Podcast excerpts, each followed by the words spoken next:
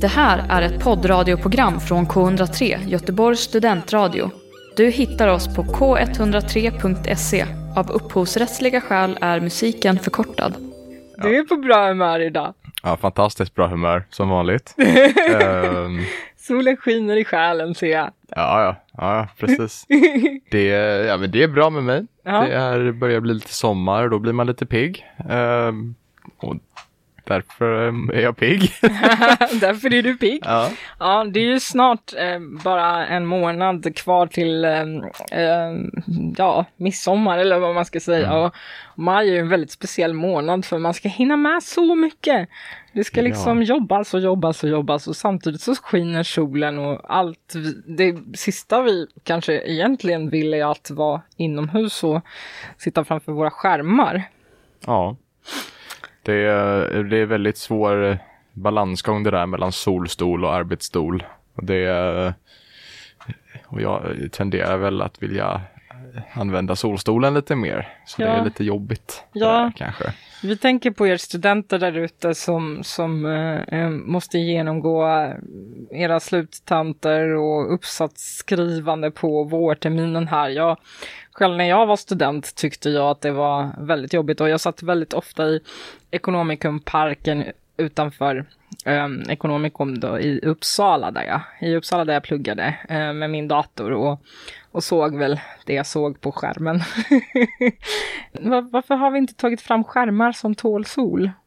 Nej, det, det känns som en, som en väldigt bra startup-idé som eh, du kan starta. Ehm, för det tror jag, det tror jag definitivt hade, hade slått Precis, nu med, nu med klimatförändringarna och allt och, och om vi inte slutar jobba så här hårt i maj så ja, det kommer bli en bra grej. Nästa entreprenör eh, Jazz Montiano. En riktig, Ehm. en riktig aktieraket. Jag tror det. Ja.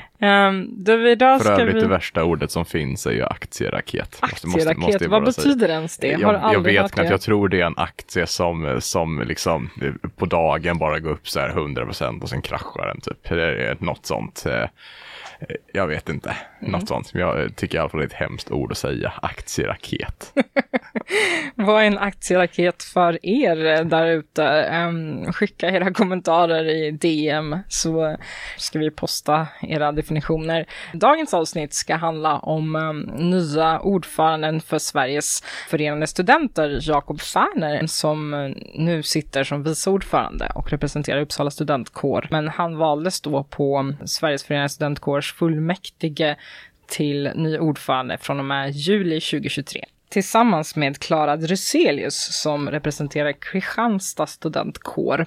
Eh, vi ska höra mer om eh, hur eh, Sveriges förenade studentkårer arbetar och vad som står på agendan inför 2023 helt enkelt. Och hur är det egentligen att var representanter för alla studentkårer med den här nya regeringen som finns på plats. Håll i er och lyssna på det här avsnittet om studentpolitik i de högsta organen. Du lyssnar på Korrespondenterna, en podd om studentpolitik från Göteborgs förenade studentkårer och tidningen De Göteborgske Spionen.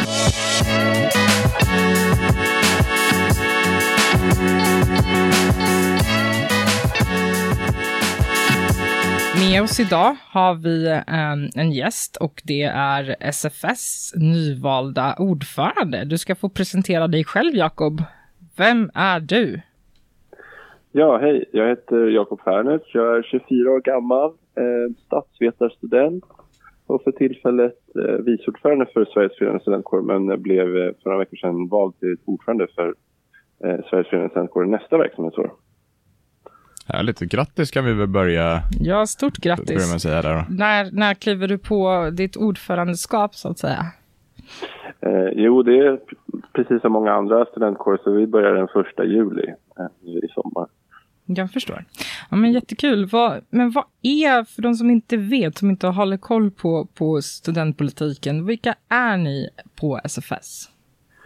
Ja, Sveriges förenade studentkår är ju en sammanslagning av alla studentkårer Eh, för de nationella eh, frågorna som vi har ju i Sverige att studentkårerna driver ju sina frågor på lärosätena och liksom vad som är aktuellt där men det finns ju vissa saker som eh, måste lösas nationellt och det är det som SFS arbetar med. Och sen arbetar vi utöver det även med liksom att samordna våra medlemmar och stödja dem i, i deras arbete på sina respektive lärosäten. Så det är vårt tvådelade uppdrag, vår nationella påverkan men även vår liksom samlande förmåga för alla studentkårer i hela Sverige. Hur många studentkårer eller studenter är det som ni representerar, brukar ni räkna? Så vi har tidigare haft 54 medlemmar, eh, studentkårer, och nu eh, på senaste årsmötet fick vi fyra till, vilket var jättekul. Så nu är vi 58 stycken eh, och vi företräder väl ungefär 400 000 studenter tillsammans. Och hur många finns det totalt i landet? Har du något hum om det? Jag tror det finns ungefär 70 studentkårer i landet. Och sen antal studenter som de företräder tror jag inte är jättemycket högre än den siffran jag sa tidigare. Det är ju ändå en stor majoritet. Ni har en väldigt viktig röst då. Hur, hur jobbar ni mot, eh, mot politikerna? Hur jobbar ni mot eh, utbildningsdepartementet och, och riksdagen och, och regeringen ehm, för att få igenom era, era frågor? Vill du berätta lite? Ja, så allt börjar ju hos våra medlemskårer egentligen som får lyfta upp sina prioriterade frågor och vi lyssnar ju på det och sen så tar vi vidare det och eh, tar fram underlag, rapporter, eh, texter eh, och så vidare, aktiviteter för att eh, övertyga politiken då om, om våra frågor, att de är värda att prioritera framöver. Eh, så då arbetar vi som ni sa mot utbildningsdepartementet, mot utbildningsministern Eh, men även andra många aktörer, både i riksdagen, eh, liksom riksdagens utbildningsutskott, men även liksom andra lobbyorganisationer som Svenskt Näringsliv och fackförbundens centralorganisationer och många på forskningssidan finns det många stora organisationer som är inblandade. Så att, eh, vi försöker hela tiden föra fram studenternas röst på olika sätt och våra aktiviteter varierar lite vilken fråga det är och, och när på året och sådär. Jag, tänker, jag har en fråga där eh, kopplat till detta. Jag tänker att du har ju varit med ett tag Jakob och det eh, har ju kommit ett nytt, en ny regering sedan eh, förra året då. Eh, vad är den största skillnaden skulle du säga på den, liksom, den utbildningspolitiska fronten om man tar det nuvarande högerstyret kopplat till gamla socialdemokratiska styret? Ja, något som är konsekvent oavsett färg är ju att eh, regeringen vill alltid in och peta i vårt område och det här är ju någonting som vi är ganska kritiska mot. Det står vi fast gemensamt med både lärosätena och lärarna att vi tycker inte om politisk styrning av akademin. Och det ser vi fortsätter så det är liksom inget som svänger beroende på om det är en röd eller blå regering. En stor skillnad är ju att den förra regeringen hade ju väldigt stark betoning på liksom omställning och det var den här januariöverenskommelsen med Centerpartiet som ledde till den här LAS Eh, överenskommelsen och det liksom ledde i sin tur till det här omställningsstudiestödet och så. Så det var ju väldigt stark betoning på den eh, delen. Nu har vi ju liksom mer fokus på excellens och liksom att vi ska vara världsdrivande i forskning och utbildning. Eller det är i alla fall det som statsrådet brukar betona i sina tal och så. Eh, sen en annan stor reflektion är att Anna Ekström då, som var utbildningsminister var väl väldigt erfaren i sektorn och liksom jag tror många uppskattade hennes eh, kunskaper som hon hade. Eh, nu ser vi väl kanske att Mats har ju också en viss erfarenhet men kanske inte lika långtgående som Anna. Så det har ju varit en liten uppstartsperiod nu också för, för den nya regeringen. Mm. Och när du säger att de lägger sig i era frågor, vad, vad, vad menar du då? Ja, det kan till exempel vara det som står i tidavtalet på det här med socionomutbildningarna, att de ska ha en viss inriktning, eller lärarutbildningen kom ju Eh, Eh, regeringen ut med väldigt nyligen att man vill att den ska... Ehm, ja, man tycker att politiken vet bäst egentligen vad som ska utbildas på lärarutbildningen och inte våra eh, lärare och studenter.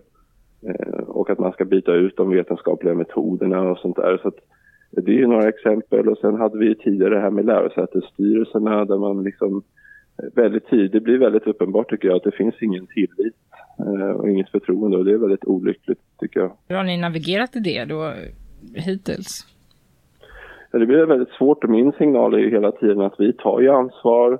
Jag tycker kollegiet då, som man brukar säga, lärare, studenter, jag tycker de tar ansvar för frågor både om kvalitet, utbildning och forskning men även sådana andra frågor som har varit aktuella nu med styrelserna om det här med säkerhetspolitiska läget och att det porträtteras som att lärosätena inte är medvetna om det här eller inte jobbar med de här frågorna. Jag tycker ju tvärtom att det här är någonting som vi har varit väldigt aktiva i och eh, ett exempel är från till exempel när Ryssland invaderade Ukraina. Då var ju lärosätena väldigt alerta med att liksom se över forskningssamarbeten med Ryssland och, och liknande. Så att jag är väldigt konsekvent med att liksom, vi kan ju ta ansvar för de här frågorna men det måste ju finnas en, en tillitsbaserad styrning från staten också till akademin. Du lyssnar på Korrespondenterna, en podd om studentpolitik från Göteborgs förenade studentkårer och tidningen Den Göteborgske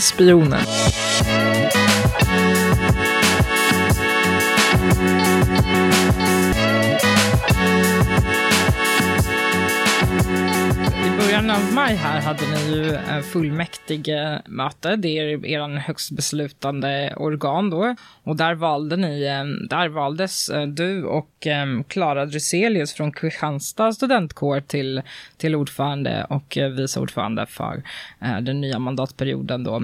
Ehm, vad, vad var de viktigaste frågorna som ni eh, som ni enades om? Eller liksom, vad står på agendan från, från ehm, 20, eh, juli 2023 till, till eh, nästa fullmäktige möte?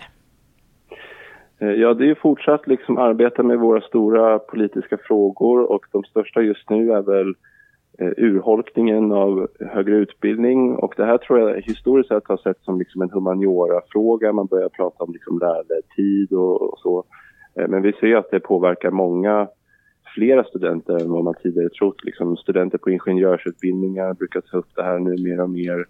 Eh, jag, har sett, jag har besökt studentkårer som företräder sjuksköterskor till exempel när man behöver göra nedskärningar. Och så, här. så det här går ut över alla studenter, den resurstilldelningsmodell som vi har och liksom påverkar kvaliteten och eh, möjligheten till att lära sig väldigt mycket. Men sen har vi också de här socialpolitiska frågorna som, som är väldigt aktuella med studenters ekonomi, eh, boendena som är väldigt dyra. Vi har liksom sett att studenter väldigt lägger, lägger stor andel av sin inkomst på sitt boende. Eh, så det är väl de här två, mycket kopplat till liksom våra resurser men även liksom vad som möjliggör lärande för studenter. Eh, både då i utbildningen men även liksom att vi ser mer och mer att din plånbok eller föräldrars plånbok avgör mycket liksom om du kommer klara dig igenom högre utbildning. Mm. Ja, kanske en fråga som är ganska nära det du svarar på nu, men vad skulle du säga är de största kanske utmaningarna det kommande året? Eh, vad blir extra svårt att jobba med tror du?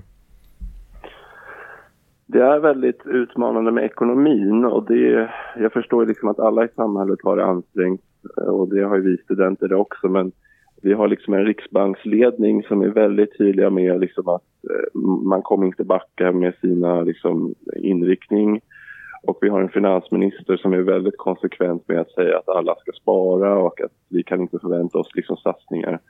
Samtidigt ser vi att studenterna har behov av både liksom eh, en, mer resurser till högre utbildning men även liksom insatser för vår sociala situation. Och där kommer det vara utmanande för oss att navigera i det här och liksom skapa och övertyga med argument varför studentfrågorna är viktiga och behöver prioriteras. Ehm, så det är jag ska säga, mer ansträngande än tidigare när ekonomin inte var så ansträngd som den är nu. Ehm, så det, det, kommer bli en stor utmaning och jag ser fram emot att ta, ta mig an det med mina kollegor. Så vad är er inställning till, till eh, den eh, liksom höjningen av CSN som, som gjordes ehm, här i, i vår?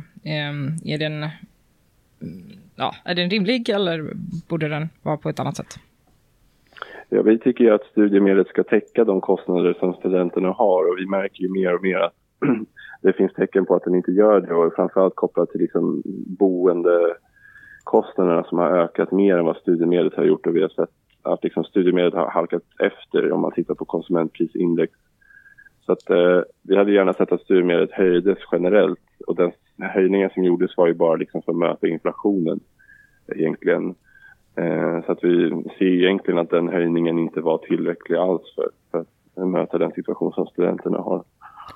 Jag tänker där också att nu när vi har en regering som jag uppfattar som ganska negativt inställd till att kanske höja just eh, studiemedlet. Eh, mm. Ser du några andra ekonomiska insatser som skulle kunna göras för att säkra studenternas ekonomiska situation vid fribelopp då, eller finns det andra, andra insatser som du ser skulle kunna gynna? Um, ja, vi har ju tittat på andra frågor också eh, på grund av den situation som du beskriver och att regeringen liksom på ett principiellt plan och, och kanske inte är så förtjust i sådana frågor. Men vi har ju också tittat på andra grejer som till exempel bostadsbidrag som vi ser att bara 5% av alla studenter använder sig av eller att man ska, det ska vara enklare att kunna vara student med barn eller de här tilläggsfunktionerna som CSN har, att de ska vara mer tillgängliga för fler. Så vi har ju börjat titta på sådana frågor, att hur kan vi i alla fall, vi vet att det är ett ansträngt läge, men hur kan vi kanske hitta lösningar för de studenter som har det allra tuffast att, att få ihop eh, siffrorna i slutet av månaden. Mm, mm. Du, um, Eh, när det gäller eh, studentengagemang... Förlåt, vi tar om det här. när det gäller studentengagemanget runt om i landet, ehm, det ni ser hos era liksom, eh, medlemskårer, hur, vilka utmaningar möter de idag? Vad behöver vi jobba på där? Eh, nej, men jag ser att många möter utmaningar med att hitta förtroendevalda eh, och det är ju såklart en väldigt svår uppgift att engagera tillräckligt med studenter för att säkerställa studentinflytande. Eh, men det liksom handlar väl också om en större diskussion om, om engagemang och vad vi lägger vår tid på i det moderna samhället.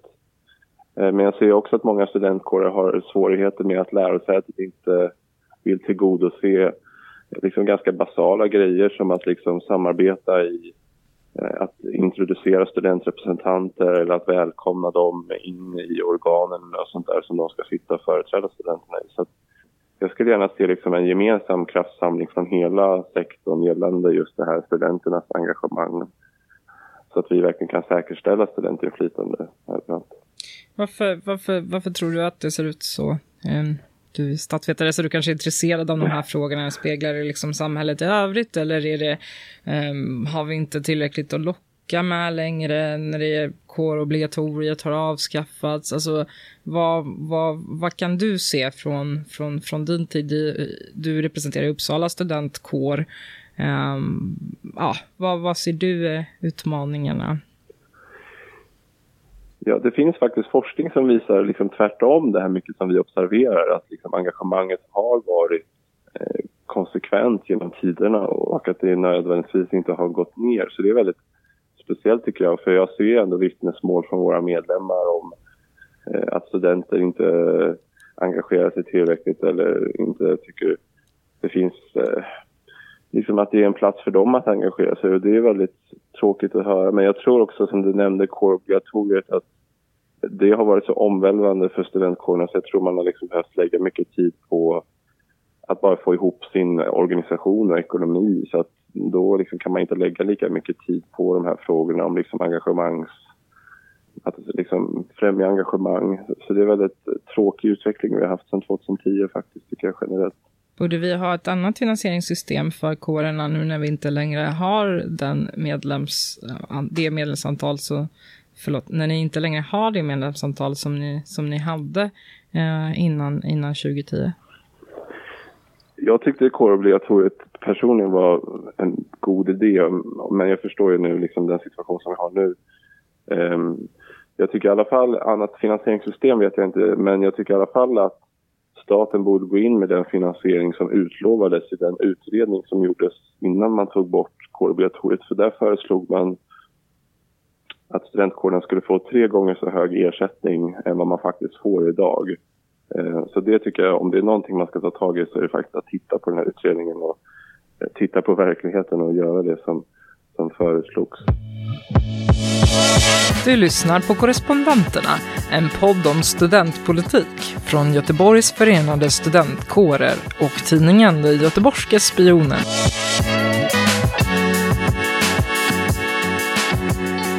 Jag hade velat fråga dig kring utbildningsministern och, och det, den liksom relationen med, med universiteten nu när de vill se en kortare mandat för universitetsstyrelserna. Har ni mm. någon inställning till det?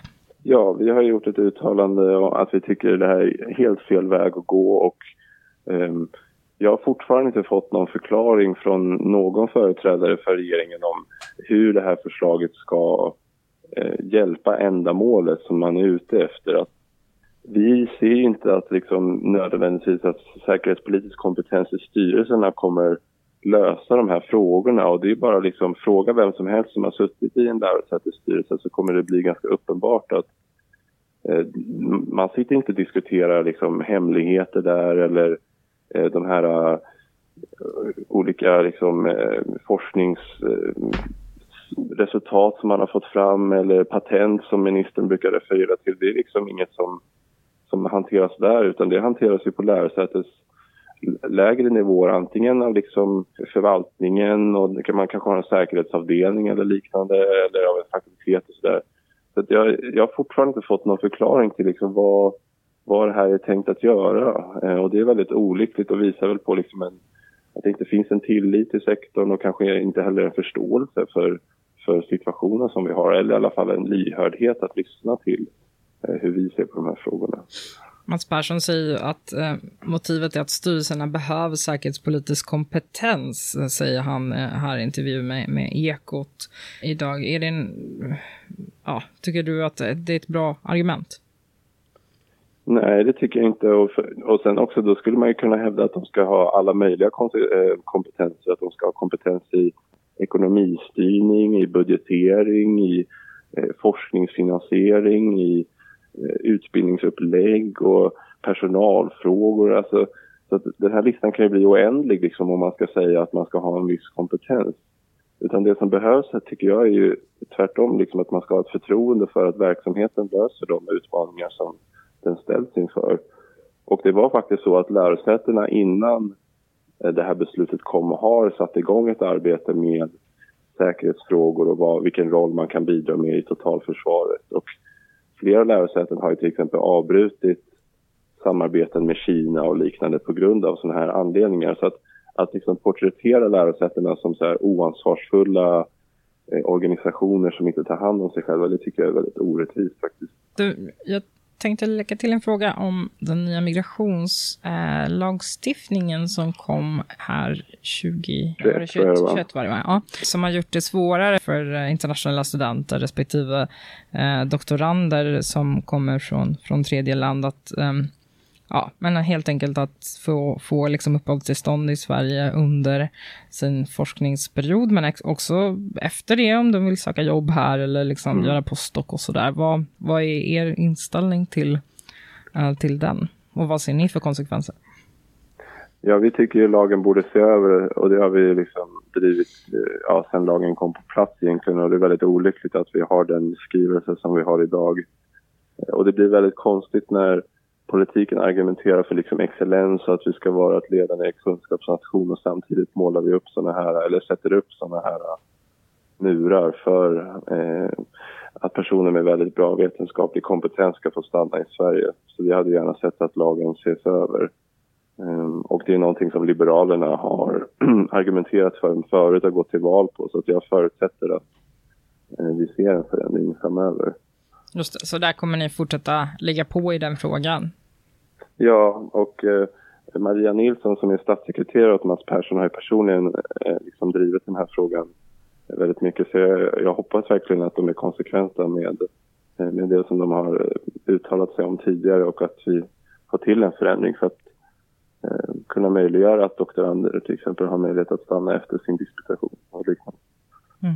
Jättebra. Du, vi börjar närma oss ett slut här. Eh, vi har ju varit inne och nosat på alla möjliga eh, frågor här. Är det något som du själv eh, vill lägga till som du tycker vi har missat? Mm, nej, jag tyckte det var väldigt heltäckande. Det var bra. Mm. Jag kommer genast på, om man får sno en minut till av dig, men, men det här ja. med glädjebetygen, vi har ju sett, det pågår ju en diskussion om det nu och eh, Handelshögskolan i Stockholm eh, skrev ju en debattartikel om det i DN um, förra veckan här. Um, de är ju en stiftelse så de, de bestämmer ju um, lite själva hur de vill göra. Men, men har ni sett det på era lärosäten att, att liksom um, eller ja, har studentkårerna sett att det är ett problem eh, när det gäller glädjebetygen, att man alltså kommer med högre betyg från gymnasiet men sen inte klarar sig eh, i, i högre utbildning så att säga. Ja, och det har vi framförallt märkt på, inom matematik att matematikkunskaperna ofta inte håller de krav som ställs senare på till exempel ingenjörsutbildningar. Och det här har vi tagit upp att förkunskaperna är ett problem eh, för att vi ska klara av högre utbildning. Och det här är också någonting som andra aktörer driver väldigt hårt. Till exempel Sveriges Ingenjörer eh, som är fackförbund för många ingenjörer. De har tagit upp den här frågan flertal gånger om liksom, eh, att framförallt mattekunskaperna måste bli bättre för att man ska kunna klara liksom, de här utbildningarna som ställer väldigt höga krav på, på sådana kunskaper. Mm, jättebra. Och så när vi har 30 sekunder på oss att säga något kort om ChatGPT. Eh, ni har ju också valt att fokusera på det eh, lite. Vill, vill, du säga vad, hur ni kommer jobba med, med liksom AI i högre utbildning och, och den, den frågan? Är det liksom ett, ett, ett hjälpmedel, ett eh, sätt att fuska? Ja, vad är er inställning helt enkelt? Eh, ja, vi kommer att arbeta med den nästa år och då handlar det framförallt om frågor om pedagogik eh, och hur, hur det här kan användas. Det kommer vara vad vi eh, tar oss an nästa år med framförallt fokus på pedagogiska frågor. Bra, då får vi se fram emot vad ni kommer fram till. Du, tack för att du tog dig tid att vara med i Korrespondenterna. Men tack för att du var med, Jakob. Ha det bra, Jakob. Ha en fin dag. Ha det så bra. Du lyssnar på Korrespondenterna, en podd om studentpolitik från Göteborgs förenade studentkårer och tidningen Den Göteborgske Spionen.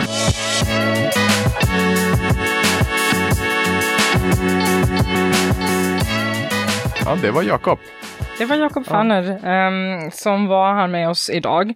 Um, det har blivit dags att uh, runda av.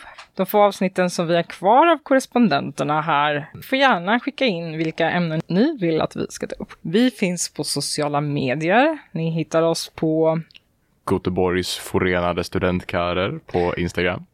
och spionen Göteborgske spionen på Instagram um, och på Facebook mm, finns vi också, Göteborgska spionen. Oss kan du höra där poddar finns och mejla oss gärna på jazz.spionen.se eller ordförande.gfs.se. Vi vill också påminna er om att man fortfarande kan kandidera till lite olika poster Ja, absolut. Till 31 maj sök fortfarande ordförande och vice ordförande eh, samt revisor. Så det är bara att skicka in där så snart som möjligt.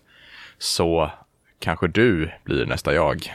Det är en viktig uppgift som ni har alla studenter där ute att eh, representera Göteborgs förenade studentkårer mot kommunpolitiken eh, och jobba med frågor som ekonomi och bostad.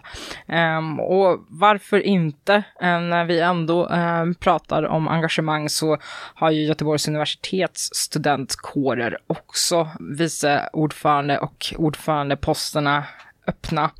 Tveka inte att höra av er till nuvarande presidie, alltså ordförande och vice ordförande, för att höra mer om hur det är att engagera sig i Göteborgs universitets studentkårer. Ta kontakt med Anton om ni vill höra mer om engagemanget i Göteborgs förenade studentkårer.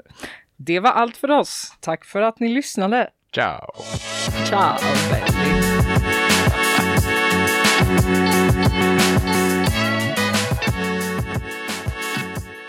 Du har hört en poddradioversion av ett program från K103.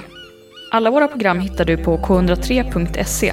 Följ oss gärna på Facebook eller på Instagram. Vi hörs!